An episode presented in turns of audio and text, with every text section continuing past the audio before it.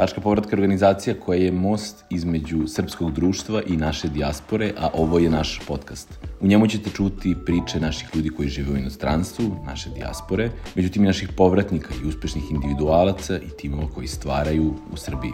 Naša današnja gošća je Sara Penđer, pravnica iz Beograda, koja je neko vreme, tačne master studije, provela u Budimpešti i pričala nam je tu jednu zanimljivi taj aspekt kako izgleda baviti se pravom u Srbiji, koje je specifično vezano za našu zemlju, opet nekako i raditi na internacionalnom tržištu, kako je to pripremiti se za internacionalna takmičenja, biti deo neke internacionalne zajednice, opet baviti se tako nekom vrlo uskom profesijom koja je vezana samo za jednu teritoriju. Šta je za nju značio život u Budimpešti, šta je za nju značio povratak. Jedna priča o putu odlaska i putu povratka i šta to znači za karijeru jednog mladog čoveka, konkretno šta to znači za karijeru jedne pravnice. Nadam se da ćete uživati u ovom razgovoru kao što sam ja uživao, tako da poželimo dobrodošlici našoj gošći Sari Penđer. Saro, dobrodošla. Hvala ti. A, mi se sad poznajemo već neko vreme, pre par meseci. Tako ali kako bi, pošto ne mogu setim kako si mi se predstavila tada, kako bi se predstavila ljudima koji prate podcast Tačka povratka? Ništa, Sara Penđer, po vokaciji advokat, odnosno advokatica, ne znam, mm. ili, ovaj, ili treba da budemo rodno, rodno, Mi... rodno senzitivni, ne znam, nešto imam ambivalentan stav prema tome, da li, mm. ovaj, da li uh, u, reči treba pretvarati ovaj, u, u ženski oblik pošto poto i to je to. Ostalo sve će ljudi shvatiti kroz ovih 30 do 40 minuta našeg razgovora, pa neka sami izvedu zaključak. Gde radiš, e, koliko dugo se baviš e, advokaturom, pravom, e, odakle u stvari, počnemo da, odakle uopšte želja za pravom? Ja, ja bih rekla desilo se. Znači, Dobre. ja sam nekako od uvek znala da ću uh, studirati, kad kažem od uvek, mislim na neki period recimo srednje škole, kada se opredeljujemo gde ćemo i šta ćemo u narednom, u narednom periodu života i koliko se ja sećam, negde od 16. godine sam kao znala šta ćeš biti kad porasteš advokat. I kao to je bilo to, nije tu onako bilo dileme. Nešto se na početku srednje škole lomila režija, onako, ali kad sam čula da taj posao onako iziskuje da ti zapravo tražiš lovu za svoje projekte mm. sve vreme. Sa tih 15 godina mi to nije delovalo. Ovaj, delovalo toliko uzbudljivo i uh, stvarno to je nekako, čak i u toj srednjoj školi su svi kao znali, aha, ona ide na praver. Ja sam išla u filološku gimnaziju i ljudi su t, uh, uglavnom želeli da upišu filološki fakultet posle toga. A meni je bilo odmah kao ne, filološki fakultet neću, ja ću ići na pravo. I moja profesorka filozofije ovaj, je uh, imala jedan, pa pod navodnicima, specijalan program za mene. Recimo, ona bi meni i jednom uh, drugu iz odeljenja dala da mi spremamo Sokratovo suđenje. Znači, nije nas čak terala da onako učimo klasične lekcije, mm -hmm. nego da spremamo Sokratovo suđenje. I eto tako, ovaj, desilo se i a, tako ja završih na pravnom fakultetu Univerziteta u Beogradu i 2013. godine sam položila pravosudni ispit što je uslov da bi se uopšte bavio advokaturom. Nakon toga advokatski ispit, upisujem se u advokatsku komoru Beograda mm. i eto, znači advokaturom se bavim, sad je neka a, osma godina. Mm -hmm. I s obzirom da je ovo podcast o pričama i povratnikama i povratnika i ljudi koji žive u inostranstvu, a, a, dosta često počinjemo i sa te strane. Kada se tebi recimo rodila neka prva želja, sad sam te pitao kada ti se rodila želja za pravom, a tebi se to nekako desilo, kada ti se rodila želja i da odeš u inostranstvo na, ne, na neki period? Koliko ja sad mogu da se setim, to je negde bilo, recimo, baš oko tog spremanja pravosudnog ispita. Znači, ja sam bila poprilično tvrdoglava za vreme osnovnih studija i kada su pokušavali neki ljudi da me ubede da, recimo, ne bi bilo loše da odem za vreme tih osnovnih studija, da, ili da odem na osnovne studije u inostranstvo, ne, bilo je ma kakvi, kao ja hoću ovde, ja hoću da studiram pravo, nema smisla da ja studiram pravo igde drugde, jer sa pravima si donekle ograničen znači na e, teritoriju gde studiraš, da kažemo pravno da se izrazim na sopstvenu, na sopstvenu jurisdikciju, međutim onda prosto ti se za vreme studiranja otvore neki horizonti. Ja sam radila jedno takmičenje iz međunarodne prodaje robe i međunarodne trgovinske arbitraže na četvrtoj godini studija i prvoj godini, odnosno jedinoj godini master studija i tad onako krećeš da upoznaješ ljude iz svoje branše i da uh, iz svoje branša koji žive i rade u inostranstvu i prosto vidiš koliko postoji nekih mogućnosti da ti odeš i da živiš i da radiš u inostranstvu i kao pravnik i nekako tu mi se onako rodila želja da ja uh, negde krenem da se raspitujem u vezi sa tim, sa tim master studijama. Međutim, ja sam želala prvo da završim, da kažem, administrativno sve ovde, znači da imam licenciranu profesiju u sobstvenoj, u sobstvenoj zemlji, da uvek imam neku sigurnost da se vratim, pa posle da vidim gde i šta to, to je, taj put u inostranstvo donese, tako da ajde da kažemo da je to neki period zapravo mog pripravničkog staža pa do, do pravosudnog ispita kada sam ja definitivno odlučila da ću da idem na, na master studiju u inostranstvu i da vidim prosto posle da li ću da, da, li ću mm. da ostajem ili ne. I to kad si rekla to prvo iskustvo, to toj, mislim, suđenje arbitraži, to, to je bilo, to su ti moot courtovi, je li tako? Jest, I to je jest. u Beču uvek ili uglavnom? Uh, ovako, znači, uh, takmičenje glavno se održava na dva fronta, jedno je u Beču, a jedno je u Hong Kongu. Mm -hmm. Hong Kong se održava, pa ja mislim, neke dve nedelje, znači pre Beča, sad malo ne možemo da se setimo, pošto je evo već treća godina da će u online formatu biti, uh, biti tog takmičenja, ali za Beč se zna, znači Beč se uvek završava četvrtak pre katoličkog, katoličkog uskrsa i tih nedelju dana pre, nedelju dana pre, pre traje, tako da uh, tim Beogradskog fakulteta do sada je mislim da je ovo neka 20 ili 21. generacija ovaj, moot court takmičara, uvek ide obavezno, obavezno u Beč. Znači i uvek, i uvek učestvuje u tom, na, na takmičenju u Beču. I ti si učestvovala na, to rekla si četvrta godina i prva i jedina godina mastera, to je da? To su dve godine da si ti učestvovala na tim takmičenjima ili to je sve pripremni proces koji traje toliko vremena? To je zapravo pripremni proces koji traje toliko vremena, znači kada su birali tim za takmičenje, ja sam bila četvrta godina, mm -hmm. završavala sam četvrtu godinu, onda sam diplomirala, odmah sam upisala master studije na Pravnom fakultetu Univerziteta u Beogradu i prosto kao master student do nekog, pa, aprila meseca, tada je katolički uskrs bio mm -hmm. u mhm. aprilu, sam nastavila da ovaj, budem učesnik tog, ovaj, tog I, takmičenja. I tu tu ti je zainteresovalo da se malo internacionalizuješ u tom nekom pogledu da, da odeš na master studije i šta se dešava nakon završetka toga, nakon završetka studija, kada ti odlaziš u stvari u inostranstvo?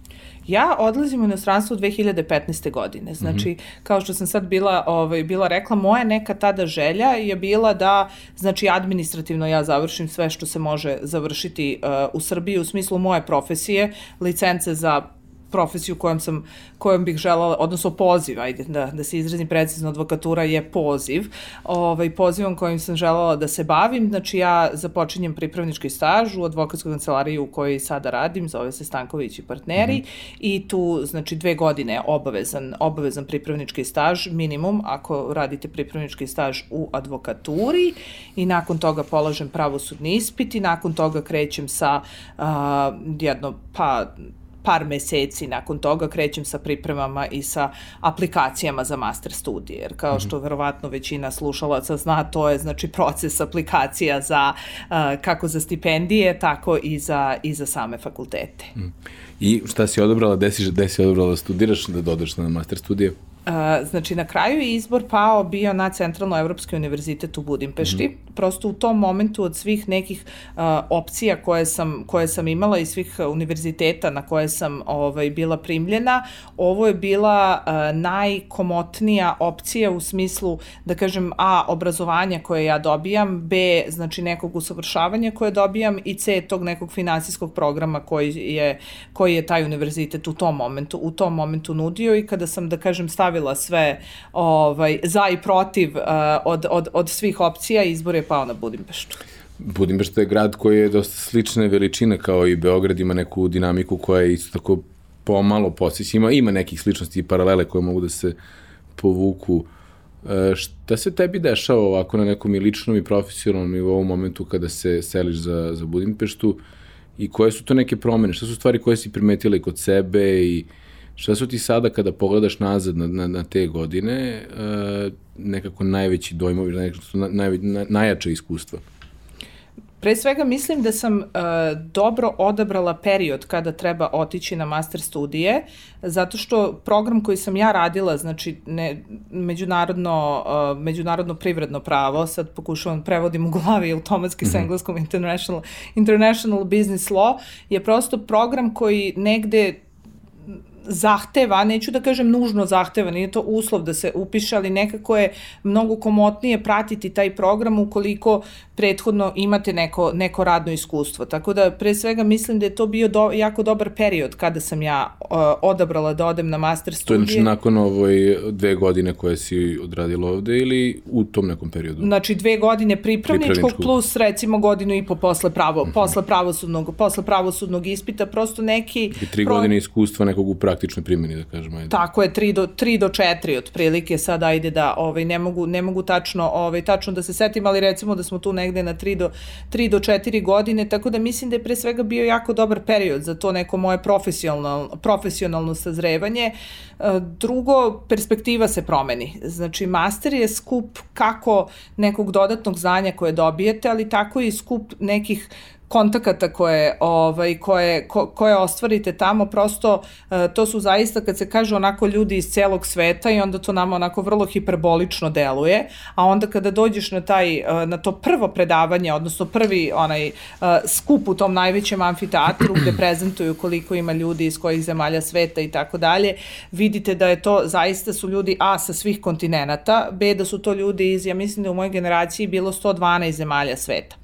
Znači, to je više od 50%, 50, 50% pokrivenosti. Tako da zaista taj neki vari, varijetet ljudi je nešto... Uh, je nešto nemerljivo. Drugo, ta perspektiva o kojoj sam, o kojoj sam pričala, prosto ugao gledanja kako na struku, a tako mogu i da, da kažem, izađem iz struke ovaj, i, na, uh, i, na, i, na, i na život se se promeni. Meni je bilo recimo uh, uh, jako smešno prvih par, ovaj, par dana kad sam krenula da učim, sad vi kad radite u advokaturi imate taj neki program gde upisujete sate i, ovaj, i ja sam sad došla na, na taj master onako naviknuta znači na rad, već je to bilo 3-4 godine rada u nekom sistemu i sad ja učim nešto i kao sve tražim po onom ličnom kompjuteru taj software gde ću da, gde ću, gde ću, gde ću da upišem sate i kao ne, ne, ne, ti si ponovo student, kao ne, sad, sad, mm -hmm. ovaj, sad uh, ti, znači ponovo si u školskoj klupi, ponovo, sad kad kažem učim, to je zaista drugačiji sistem u odnosu na ono, na ono učenje na koje smo mi, ovaj, mi ovde navikli, opet drugačija perspektiva i kao ne, ne, ne, ovo se sada, sada se ovo ne upisuje, nemaš, mm -hmm. tako da to neko odvikavanje opet od tog, od tog poslovnog života je bilo jako zanimljivo i stvarno sa tog, sa aspekta te, te neke jedne godine tog poslovnog sabatikala bih zaista svakome ovaj, preporučila da, da, da ode i da prosto promeni sebi, promeni sebi ugao na tih godinu dana. A šta su ti, recimo, to opet uh, vrlo često se dešavaju i kulturološki šokovi kada se napusti iz Srbije, i vrlo često se dešavaju kulturološki šokovi prilikom povratka u Srbiju, mm -hmm. u zavisnosti i od lokacije uh, na koji ili sa koje neko se vraća. Šta je tvoje, s obzirom da je to tako jedna uska tema, mislim, uska tema, ipak je to international business law, to je, ajde kažemo, relativno široka tema, ali opet je nekako, vi ste svi iz iste industrije, koliko su različita gledanja ili gledišta tih ljudi, kažeš 112 zemalja, sigurno je postalo neke različite tumačenje, šta su, ali ima tu nekih specifičnosti koje ti je delovalo uh, koje su bile možda nepremostive ili teško premostive ili zanimljive druge perspektive kada ste radili na nekim slučajevima, pa kao potpuno drugu vizuru ima neko ko ima potpuno drugačije lično iskustvo.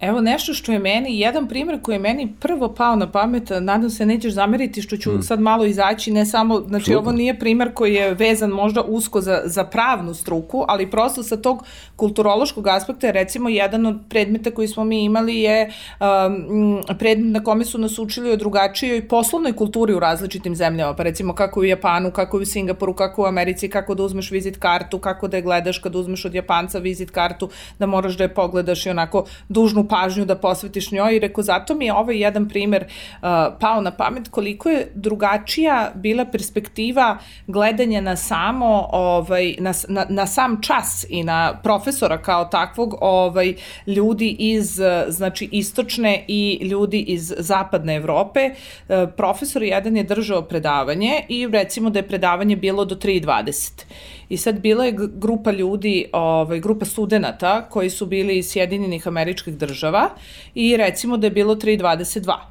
i jedan momak se javlja i kao profesor onako, a profesor je bio iz uh, istočne Evrope, ajde, ovaj, nećemo, nećemo ovaj, imenovati, imenovati Zemlju. nikoga, da, ni imenovati ni, ni i zemlju, naravno ovo dajem samo kao jedan primer, bez ikakve ovaj, generalizacije, ali prosto meni je to ostavilo utisak drugačijeg neke kulture i vaspitanja i um, znači taj dečko iz Sjedinih država je opomenuo profesora kao 3.22 je, kao vi nas držite na času.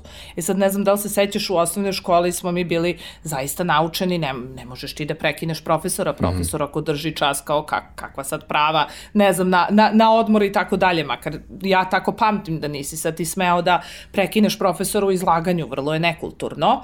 I ovaj profesor je rekao, dobro, ok, kao ja ću sada završiti, neću vas više uznemiravati i odjednom nastaje metež među ljudima, da kažem, iz istočnog dela, istočnog dela sveta govorimo u odnosu na Srbiju, šta je istočno, šta je mm. zapadno i ovaj, oni kreću da pričaju među sobom da li bismo mi trebali neko pismo i peticiju da napišemo profesoru, da se mi izvinimo u njegovo ime što je on njega prekinuo i što je kao, ovaj, kako se on sad usudio uopšte da prekine. I sad ja sam malo razmislila o tome, naročito u svetlu jednog drugog predmeta koji nam je opet jedna profesorka iz Amerike držala, kad kažem Amerike, mislim na Sjedinjene američke države i kada nam je rekla rekla, Uh, deco, kao, uh, u stvari nije rekla deco, da nije, niko nije taj, taj izraz children, to mi onako nesvesno koristimo, ovaj, kada nam je rekla, eto, ja ako se slučajno zaletim i probijem vreme za vaš odmor, molim vas me prekinute, evo tamo je sat, svi gledajte slobodno u sat.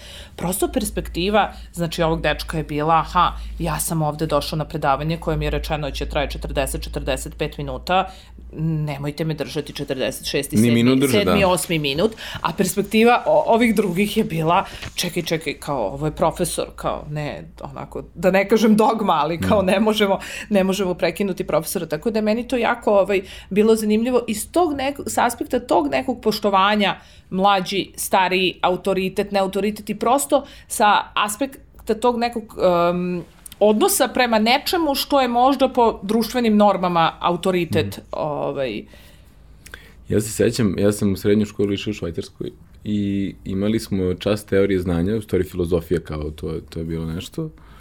I imali smo tema je bila e, porodica i odnosi u okviru porodice.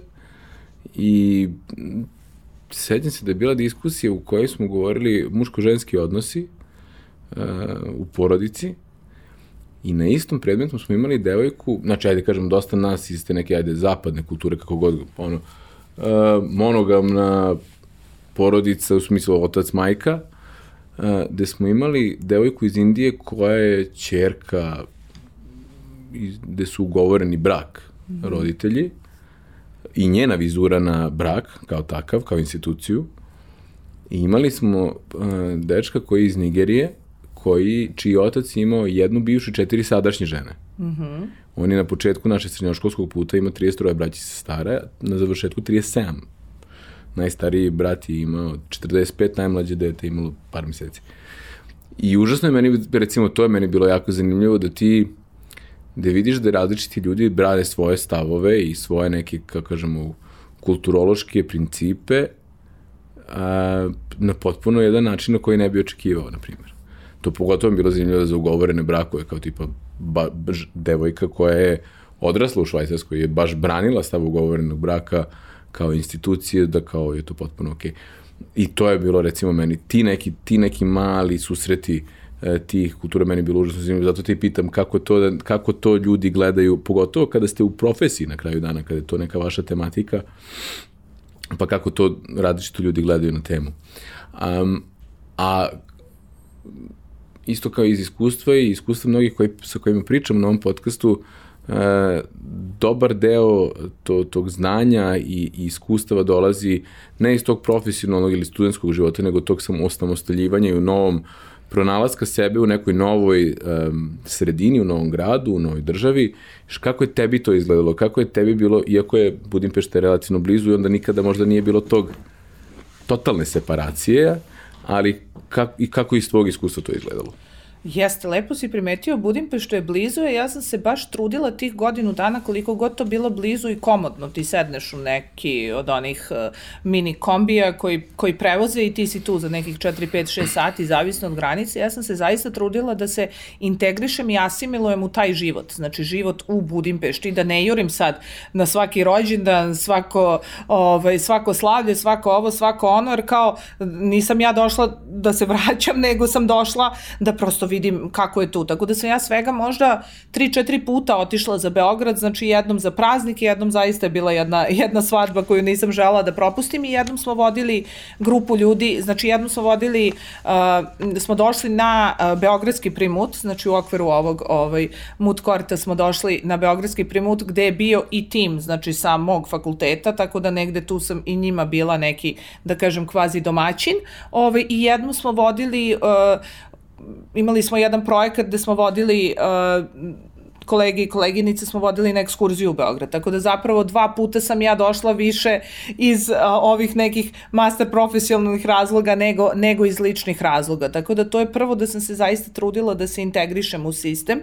E sad tu bih izdvojila da kažem dve perspektive. Jedno je perspektiva integracije u sam master program, u školu, u taj sistem, a drugo je perspektiva integracije u samu zemlju znači zemlju, zemlju gde živiš. Uh, tačno je da mi nismo bili, da kažem, totalno asimilovani, naročito mi koji smo živeli u domu, uh, jer je dom bio pod, uh, dom je bio znači od Centralno-Evropskog univerziteta, tako da tu negde sa tog logističkog aspekta nismo se susretali sa nekim izazovima s kojima su se susretali studenti koji su recimo morali da izneme stan. Znači ti prosto dolaziš na neko drugo tržište, dolaziš uh, u Mađarsku gde je jezik zaista specifičan. Iako sam čula od strane jedne devojke koja je filolog da je 20% reči u srpskom i u mađarskom slično.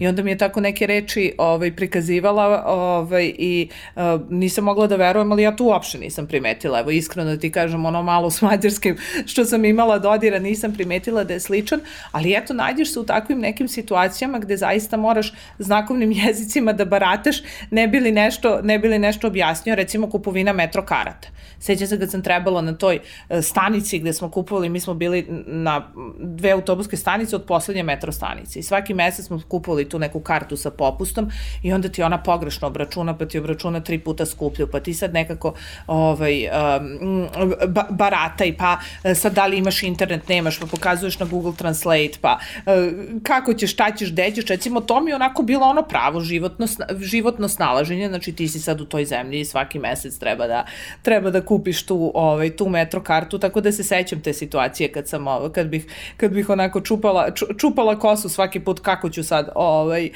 da, da se snađem i da objasnim, jer to nisu svakodnevno, znači to su samo malte ne bile karte za internacionalne studente, nije ovaj, uh, nije bilo nešto sa čim su se i ti ljudi susretali, susretali svaki, svaki dan. E sad, što se tiče ove, da kažem, uh, integracije u samu školu i sam sistem, uh, meni je to zaista bilo nekako onako, sem o, o, ovakvih nekih smešnih situacija, poput toga da se ja zaista razvedem od toga da ja više nisam na poslu, nego sam sad, sad na nekim studijama, zaista mi je bilo kao neki onako ovaj, paralelni svet. Znači, ja sam, uh, ja sam iz Beograda i živela sam kod roditelja za vreme studija, tako da nažalost nisam imala priliku da osetim taj studentski život uh, do kraja u Beogradu kao što su naše kolege i koleginice imale priliku koji su živele u domovima, tako da je sve to meni bilo jako interesantno. Ti tamo nikada nisi sam. Vi ste zaista kao jedna velika porodica. Mi smo imali jednu divnu baštu, pa ti siđeš i uvek ćeš da sretneš nekoga, da li igra bilijar, da li igra mini futbal. Saista onako osjećala sam se kao da si na nekom produženom raspustu. Mislim, kad kažem produženi raspust, da mi ljudi ne shvate pogrešno, tu se zaista jako mnogo, zaista se dosta čita, e, dosta se, ovaj, do, dosta se ulože radi, vremena da. na master studija, da, da, radi se, ali to slobodno vreme kao kad smo, ne znam, išli na more, pa onda ovaj, ti daju pare za te, za te žetone i ti kao siđeš dole, igrate karte, igrate Pictionary, one, jao, to smo besomučno, besomučno igrali, naročito u tim sezonama kad su bile teze, kad su bile ispiti, to se, kad su bile ispiti, to se zaista onako arčilo do maksimuma. Da, ja sam isto tako u, u internatu živeo tri od četiri godine svoje srednje škole, tako da znam kako to izgleda kada, kada se to stvori taj osjećaj zajednice. A, a u Budimpešti sam živio šest meseci, tu sam prvo i kada posao, prvi posao i koji sam dobio, dobio sam ga u Budimpešti, tako da je meni Budimpešta je ekstremno drag grad i mislim da je super grad da, da ako si mlad, ako voliš ono, da se družiš, ako voliš da izlaziš, Budimpešta je i slično opet tu kao Beograd, mesto na kome možeš da pronađeš stvarno svašta od zabave i, i, i, od, i od zanimljivih ljudi, vrlo je internacionalan grad.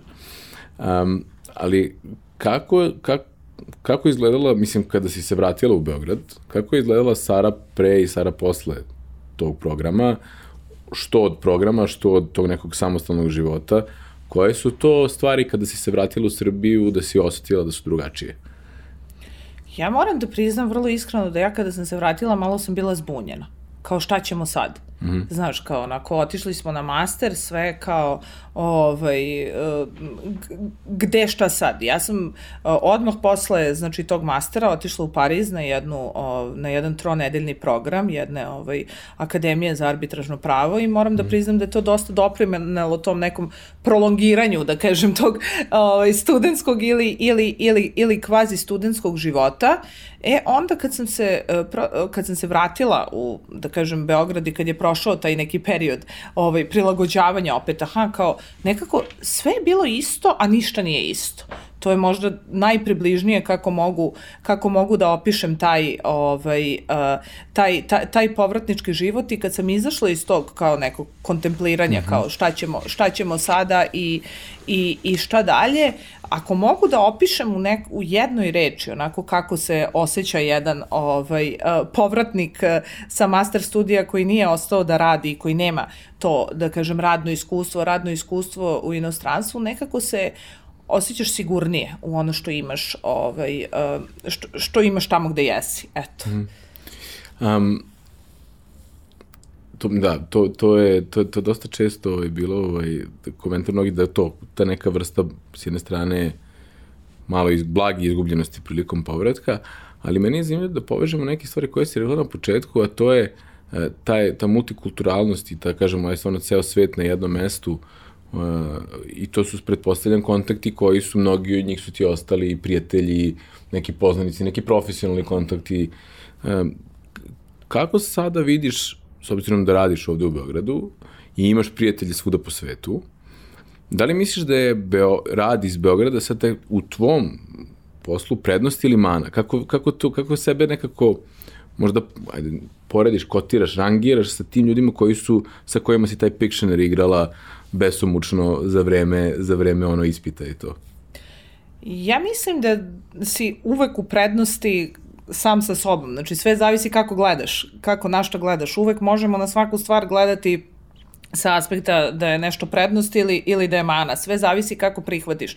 Samo treba iskoristiti sve što ti život pruža uh, da bude tvoja sobstvena prednost. Znači, ovo što si lepo primetio da je to jedan, da kažem, uh, uh, varijetet kontakata, evo, na primjer, mi imamo neku Facebook grupu na kojoj se i dan danas dopisujemo i to je ostalo kao Facebook Messenger grupa, uglavnom su svi, vidi se da sam bila kad pre sedam godina počela, pre šest završila, ovaj, to je tada bilo aktualno, jer su se tada i dalje više kompjuteri koristili, sad zaista svi, svi više telefone, eh, te, telefone koristimo, eh, činjenica recimo da ti možeš, imaš neki problem, ne znam, sa pravom engleske, treba ti neki sitan savet, kao da ti imaš koga, koga da kontaktiraš, imaš neki veliki projekat gde ti treba neki kooperant u Kazakstanu, opet imaš koga da, eh, koga da kontaktiraš. Treba ti informacija, neko ide u Kirgistan na svadbu, treba mu informacija šta može da obiđe.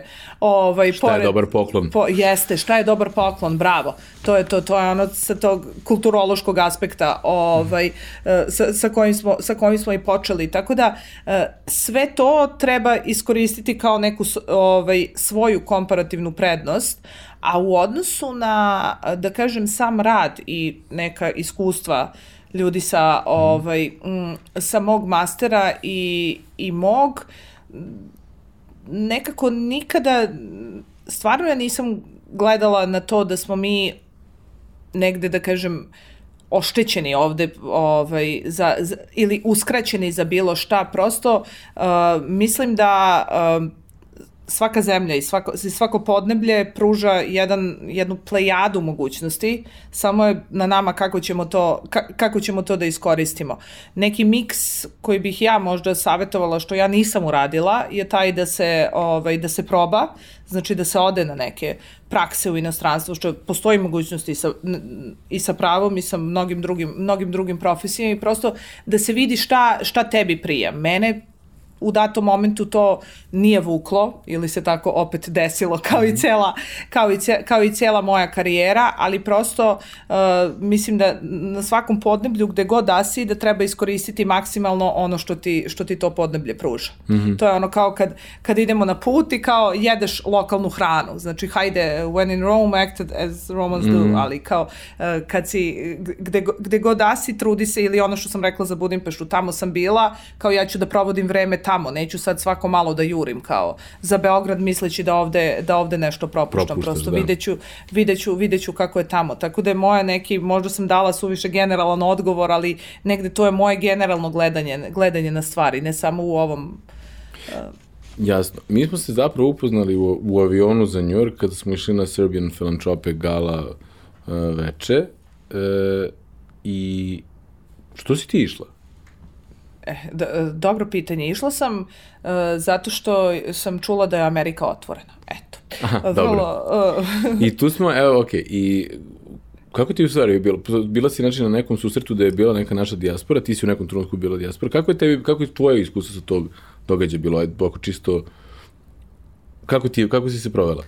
Ceo New York je meni bio fantastično iskustvo. Mm. Ja sam uh, na taj Serbian Philanthropic mm. gala otišla zato što sam znala neke ljude iz, iz organizacije mm. i cijela priča mi je, ja se inače da kažem, bavim humanitarnim radom još od studentskih dana u okviru prve studentske humanitarne fondacije mm -hmm. Osmeh na dar koja je uh, registrovana 2009. godine kao fondacija su osnivači, su studenti pravnog fakulteta i pravni fakultet Univerziteta u Beogradu, a sama akcija je započela još 2006. godine. Evo sada smo završili 16. akciju podele, mm -hmm. uh, pake, tradicionalna novogodišnja akcija podele paketića, tako da se meni uvek negde na humanitarni rad mi se radar palio. Mm -hmm. E sad, činjenica da još znam neke ljude iz organizacije mi je bio dodatni podstrek, kao hajde da odem tamo da vidim ovaj, uh, da vidim kako ljudi to tamo rade, kako mm. to funkcioniše, kako se ta naša dijaspora, ja zaista verujem da postoji veliki potencijal u, u, u našoj dijaspori, ne samo zbog toga što je ona brojčano,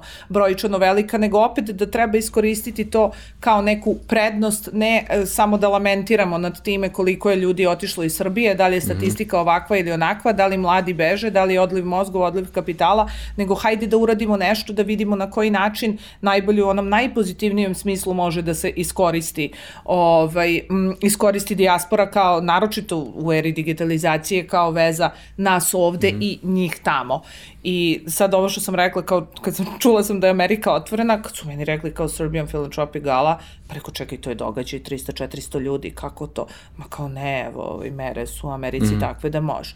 Aha, rekao, dobro, i onda sve ovo što sam rekla, ovaj, sam, uh, da kažem, stavila, stavila na papir i kao, hajde da odem, mm. hajde da vidim. I zaista to nije bila samo Serbian Philanthropic Gala, nego je to bio ceo paket aranžman događaja koji smo mi mm. imali ovaj, taj vikend, znači ja ulazim u taj avion, krećem sama, upoznajem tebe, Aleksandra, Peđu, Nemanju, da. krećemo da pričamo o tački povratka, šta tačka povratka radi, da. mene to jako interesuje i onako zainteresovala me tema. Zaista mi je delovao projekat kao uh, nešto što, nešto egzaktno što zaista pomaže ovaj po, pomaže ljudima i uh, to je znači bio Serbian Philanthropic Gala, bilo je vaš vaš događaj, događaj u njujorškoj kafani i posle premijera filma Toma da. ovaj u bioskopu u bioskopu u Njujorku i zaista tu te da kažem 90% gostiju su bili ljudi iz dijaspore. Znači, mm. malo je bilo nas koji smo, koji smo seli u avion da odemo i zaista mi je bilo fanta fantastična energija se osjećala, znači, tih ljudi koji su se ujedinili, ne samo te večeri, jer to je samo ono što vidimo, da. veliki je rad iza toga, zarad cilja uh, pomoći ovaj nekom projektu, nekom čoveku, nečemu. Na konkretno ovaj, IT bootcampu. Da da, Da. se napred, praktično sekundarna edukacija za ljude koji žele da radi prekvalifikaciju u IT-u, što je super prilika za ljude ovaj, koji sada pro, hoće da, da kažem imaju drugu, drugu, drugu karijeru. Um, I tad smo pričali o podcastu Tačka povratka i evo sada, pošto znam da si nešto i, i, i pogledala par epizoda, kako je sada biti u ovoj u fotelji? E, odlično, ja sam očekivala da je mnogo verovatno zato što znam kao da nije live, pa ovaj, da nije uživo. Pardon, trudim se da ne koristim, ovaj, svi koristimo, nažalost, ovaj, uh, Anglicizme. da kažem, a, pa čak to nisu ni anglicizmi, nego ovo bukvalno uh, na, ovaj, bukvalno Ali vidi, nije live, ali sve iz one take-a, tako da to što snimiš, to je to. Jel da? Pa znam, da, znam. Rekli ste mi da nema katovanja na čistom srpskom odnosu. Da, da, da. ovaj, a, ne znam, odlično, onako kao da smo na nekoj kafi i sad mi, ovaj, u stvari da nemamo kafu, imamo vodu, ali kao, kao da ovo neće, ka- kao da se ne snima. Da. Eto, takav je osjećaj. Ali ajde da se vratimo na temu, bilo baš me zanimalo da te pitam ovako, kao pošto smo sad pričali o podcastu i drugim stvarima, i baš me zanimalo šta misliš o, o tom događaju i celoj to, i mislim da to stvarno, moje lično mišljenje je da to je jedan od najboljih, kako ne i najbolji događaj koji je naša dijaspora organizovala, samo organizovala kao takva i ovaj i, i ono uspela za jedan super eh, razlog eh, da na jednom super nivou eh, organizuje jedan super događaj. Stvarno je bilo ono stvarno stvarno na nivou. Mislim da stvarno svaka čast celoj organizacijoj ekipi koja je u tome učestvovala uh, i mislim da će to biti u, još u narednim godinama kada bude još medijski poprećen je baš onako jedan događaj koji je stvarno odličan. Um, ali da se vratimo s te strane na temu um, i da li bi ponovo otišla? U Njork? Ne, u inostranstvo Aha. da živiš i radiš. Ja, da. Daj neko lakše pitanje. Imam ih ja još par tu, ono kao koji su par. rezervisane za, ono imamo neki par pitanja koje postavljamo svim gostima, ali sad kao ono, da ti se, ne znam, sad ukaže neka prilika da na dve godine odeš London. Imaš 12 minuta da odlučiš. Da, ovo su ona pitanja iz Venove zbirke iz matematike, pa sa Mm. zvezdicom. Ove, to je za ono, Ar Arhimedesovu školu, kako je bilo. Um, Šta je gut feeling? Šta je neki taj osjećaj? Ne, da? da, Dobro. Da. Dobro, to je to. Evo, ovaj, ali evo recimo mogu da ti postavim i ta neka pitanja, a ti možeš nešto dodatno da elaboriraš ako želiš na, na to da li bi otišao ili ne. Ali imamo pitanje koje postavljamo svim gostima, to je koju knjigu si najviše puta poklonila nekome?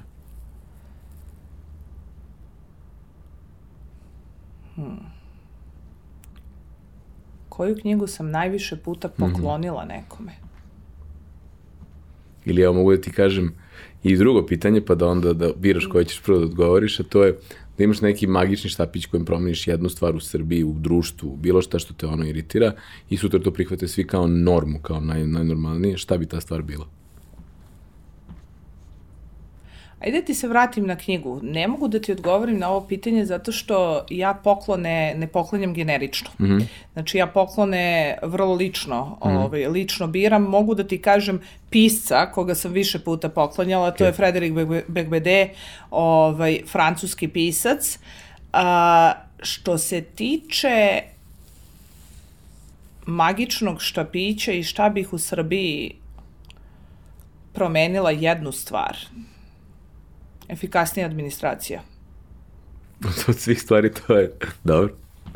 Efikasna administracija. Vidi, kažu da treba da kažeš ono što ti prvo ovaj, Padne na pamet i prvo to je padne na najbolje. pamet. To je ono što mi je zaista prvo mm. palo, prvo, prvo palo na pamet. Ne naravno u svim sektorima. Mm. Uh, postoje neki sektori gde administracija zaista ovaj odlično funkcioniše, Mhm. ali ovaj uh, postoje neki neki sektori gde ja vidim da Mhm. ima da kažem prostora prostora za napred. Jasno. I evo za kraj, a, ono što mi nekako još na početku si sednulo kao pitanje, teo sam da ga ostavim ba, baš za, za, za sami kraj. A, znam dosta ljudi koji su išli na različite mood kortove, a, znam da je to nekako velika stvar u kojem dolazi do toga da se ljudi tu internacionalizuju donekle. S druge strane, znam da postoji ta neka percepcija da kao ako se baviš pravom, da si na, na oko vrlo ograničen time gde, šta i kako možeš dalje profesionalno da napreduješ. Sad, neko ko je, na primjer, ima 20 godina u nekoj poziciji u kojoj si ti bila za vreme svojih studija, e, šta je neki kao, e, neki postrek, šta je neki dalji put ili neki savet ili nešto što bi rekla nekome u toj poziciji u kojoj si ti bila, e, kako da razmišlja o tome kao cirkularni migrant, kako da prona, pronađe svoj put da ode ili da se vrati ili da jednostavno Uh, sad, nam se da razumeš šta je moje pitanje, ali to je neko, kako iz tako neke na, na oko ograničene industrije ili sfere ili pravce ili profesije poziva da bude nekako deo jednog tako nekog cirkularnog pokreta. Jeste, to si lepo primetio da negde je možda ograničenija naša profesija mm. u, odnosu, u odnosu na neke druge profesije. E, prvo što bih savjetovala je tokom e, samih studija, osnovnih studija, bilo da su mm. oni ovde, bilo da su u inostranstvu, e, birajte projekte i programe koji su van nastavne aktivnosti. Mm. Da li to bio studentski parlament, humanitarni rad, Moot Court 1, nije Moot Court koji sam ja radila nije jedini, postoji više, ovaj, više, više Moot Courtova, postoje takmičenja, case study, ovaj, birajte i gledajte da birate one internacionalizovane u smislu da pružuju mogućnost recimo da se ode na neko takmičenje ili neki susret van ovaj uh, van van matične zemlje. Uh, budite aktivni u raznim asocijacijama, znači ne samo za vreme studija, nego i nakon završenih studija u ovaj razno, postoji varijetet asocijacija za, naročito za, eh, za, za, za mlade, m, mm, probajte. Znači, dok ne probaš, mm. ne, možeš, ne, ne, ne možeš da znaš. Ra, raznolikost i raznovrsnost je nešto na čemu zaista uh, dosta, evo ja mogu da govorim iz perspektive advokatske kancelarije jer to tržište najbolje poznajem, ali zaista se ceni u advokatskim, u, u dosta advokatskih kancelarija. Postoje projekti koji nisu usko vezani, znači za samo pravo, ne znam, francuske, mm -hmm. engleske, švedske i tako dalje, postoje internacionalni slučajevi, postoje uh, internacionalna pravila, mi uglavnom vezujemo ovaj projekte za, ne znam, UN i, i, i tako dalje, postoje i u našoj, ovaj, u, na, u našoj branši postoje međunarodni projekti koji uh, i međunarodni slučajevi koji koji pružaju ovaj pružaju mogućnost postoje međunarodne institucije postoje prakse mm.